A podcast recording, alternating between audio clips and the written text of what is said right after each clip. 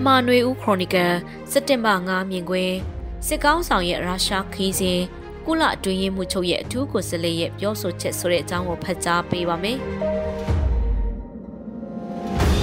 စစ်ကောင်စီခေါင်းဆောင်မင်းအောင်လှိုင်ခုရက်ပိုင်းရုရှားနိုင်ငံမှာကျင်းပဖို့ရှိတဲ့အရှိဖြားဒေသစီးပွားရေးဖိုရမ်ကိုတက်ရောက်ဖို့ဗလာဒီဘော့စတော့မြို့ကိုယမန်နေ့ကရောက်ရှိနေကြောင်းသတင်းတွေမှာဖော်ပြထားကြပါတယ်။ စစ်ကောင်စီဥက္ကဋ္ဌအနေနဲ့စစ်အာဏာသိမ်းပြီးနောက်မှာရုရှားကိုတတိယအကြိမ်မြောက်တွားရောက်တာဖြစ်ပြီးစစ်အာဏာသိမ်းပြီးနောက်မှာအာဏာသိမ်းစစ်ကောင်စီကိုနိုင်ငံအတော်များများက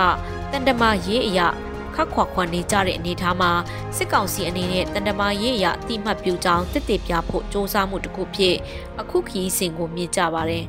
ဒီထက်ပိုပြီးသုံးသက်ရရင်တော့ရုရှားနိုင်ငံကိုမဟာဗျူဟာမြောက်စစ်ဆိုင်ရေးရှိတဲ့နိုင်ငံဖြစ်စစ်ကောင်စီကပြသလိုပြီး တစ်ဖက်မှလက်နက်ဝယ်ယူရေးတခြားတစ်ဖက်မှာကုလသမဂ္ဂရဲ့အမြဲတမ်းလုံခြုံရေးကောင်စီဝင်အဖွဲ့ဝင်တွေကဖြစ်တဲ့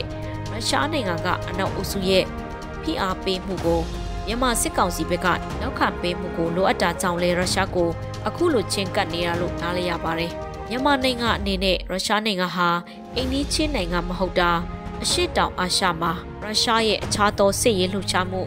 ရီမန်းချက်တွေကြီးကြီးမားမားမရှိတဲ့အပေါ်မူတည်ပြီး တရုတ်နိုင်ငံကနေအနည်းငယ်ခွာကရုရှားနိုင်ငံဘက်ကိုပုံချင်းကပ်တဲ့လက္ခဏာတွေ့ရမှာဖြစ်ပါတယ်။ဦးချုပ်တန်းရွှေလက်ထက်စစ်အစိုးရလက်ထက်မှာတော့တရုတ်နိုင်ငံကိုကုလအရေးကိစ္စအတွေ့ရောလက်နက်ဝယ်ယူရအရေးအမြစ်အဖြစ်အနေနဲ့ပါအားကိုးခဲ့ပေမဲ့2020နောက်ပိုင်းစစ်တပ်အနေနဲ့တရုတ်နိုင်ငံကိုကင်းကင်းရှင်းရှင်းနေဖို့မဖြစ်နိုင်တဲ့နိုင်ငံအဖြစ်သတ်မှတ်ထားပေမဲ့အလိုနီးကပ်တဲ့စစ်ဆန်ရေးမျိုးမဖြစ်အောင်တတိထားပြီးခက်ခွာခွာစစ်ဆန်လာတာတွေ့ရမှာဖြစ်ပါတယ်။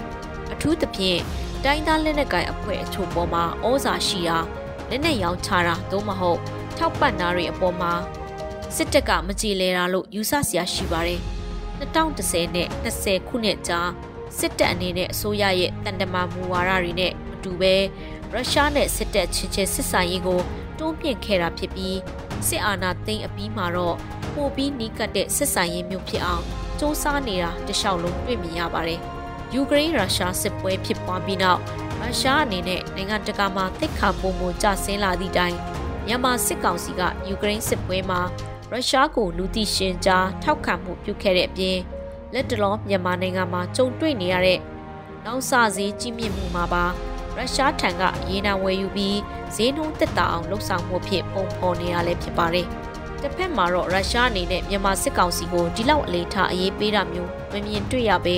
အဆင့်တန်းချင်းမတူတဲ့သဘောမျိုးအဲဝေခါနိုင်ငံတစ်ခုအနေနဲ့သာရှုမြင်ထားပုံရပြီးပြီးခဲ့တဲ့လရုရှားနိုင်ငံခြားရေးဝန်ကြီးခရီးတထောက်နားတဲ့ခီးစဉ်ကလွှဲရင်စစ်တပ်ချင်းစစ်ဆိုင်ရေးမျိုးကိုသာပြသခဲ့တာဖြစ်ပါတယ်။စစ်ကောင်စီအနေနဲ့ရုရှားကိုပုံမနီးကအောင်စ조사မှုဟာကမ္ဘာမှာရုရှားနဲ့အနောက်အုပ်စုနိုင်ငံတွေနိုင်ငံရေးစီးပွားရေးဆိုင်ရာစစ်ဆိုင်ရေးတွေစိုးတီထက်ဆိုးလာချိန်ဖြစ်လို့စစ်ကောင်စီအနေနဲ့ယခုစစ်အစိုးရတွေ ထိမ့်သိမ်းထားခဲ့တဲ့ဂျားနေနိုင်ငံခြားရေးမူဝါဒကိုပါဆွန့်လွတ်ပြီးပြန်လည်ပုံပေါ်လာတဲ့အနောက်နဲ့အရှေ့လို့ဆိုနိုင်တဲ့စစ်အေးစစ်ပွဲမှာရုရှားကိုပြပြဝဝထောက်ခံတဲ့မြောက်ကိုရီးယား၊ဆီးရီးယား၊ဘယ်လာရုစ်စတဲ့အာဏာရှင်နိုင်ငံတနိုင်ငံဖြစ်ပုံပေါ်လာစေမှာဖြစ်ပါတော့တယ်။ဒီနေ့ဖို့အခြားသောသတင်းတပုတ်မှာတော့ကုလအတွင်းရေးမှူးချုပ်ရဲ့မြန်မာနိုင်ငံဆိုင်ရာအထူးကိုယ်စားလှယ်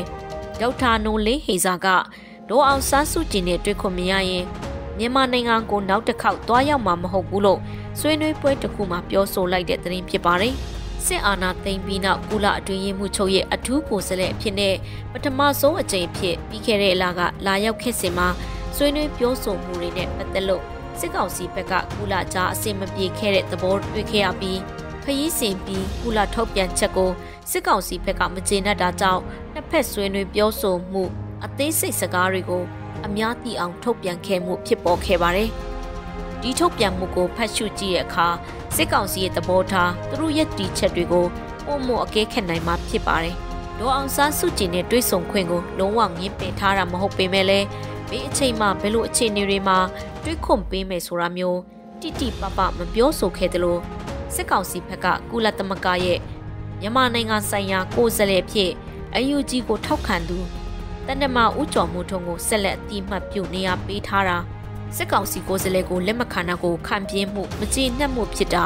ထင်ထင်ရှားရှားတွေ့ရမှာဖြစ်ပါတယ်။ဒီလအတွင်းကျင်းပမဲ့ပုံမှန်စည်းဝေးမှာအခုလိုကိုစားပြုမှုအရေးကိစ္စထပ်မံဆွေးနွေးဆုံးဖြတ်ရအောင်မှာဖြစ်လို့စစ်ကောင်စီကအဲ့ဒီမတိုင်ခင်မှာကုလအတွင်းရေးမှုချုပ်ရဲ့အထူးကိုယ်စားလှယ်ကိုလာရောက်ဖို့ခွင့်ပြုခဲ့တာဖြစ်နိုင်ပါတယ်။ သို့ပေမဲ့ခရီးစဉ်ရဲ့ရလကမလှခဲ့ပဲတန်တမာနီလာအရာလုံယိုးလို့စင်မဟုတ်တဲ့ဆွေးနွေးမှုအသေးစိတ်ကိုထုတ်ပြန်လိုက်ခြင်းအပြင်စစ်ကောင်စီအနေနဲ့ကုလနဲ့စစ်ဆိုင်ရေးကိုပိုဆိုးရွားသွားအောင်လှုံ့ဆော်လိုက်တယ်လို့ဖြစ်စေခဲ့တာဖြစ်ပါတယ်ရှင်။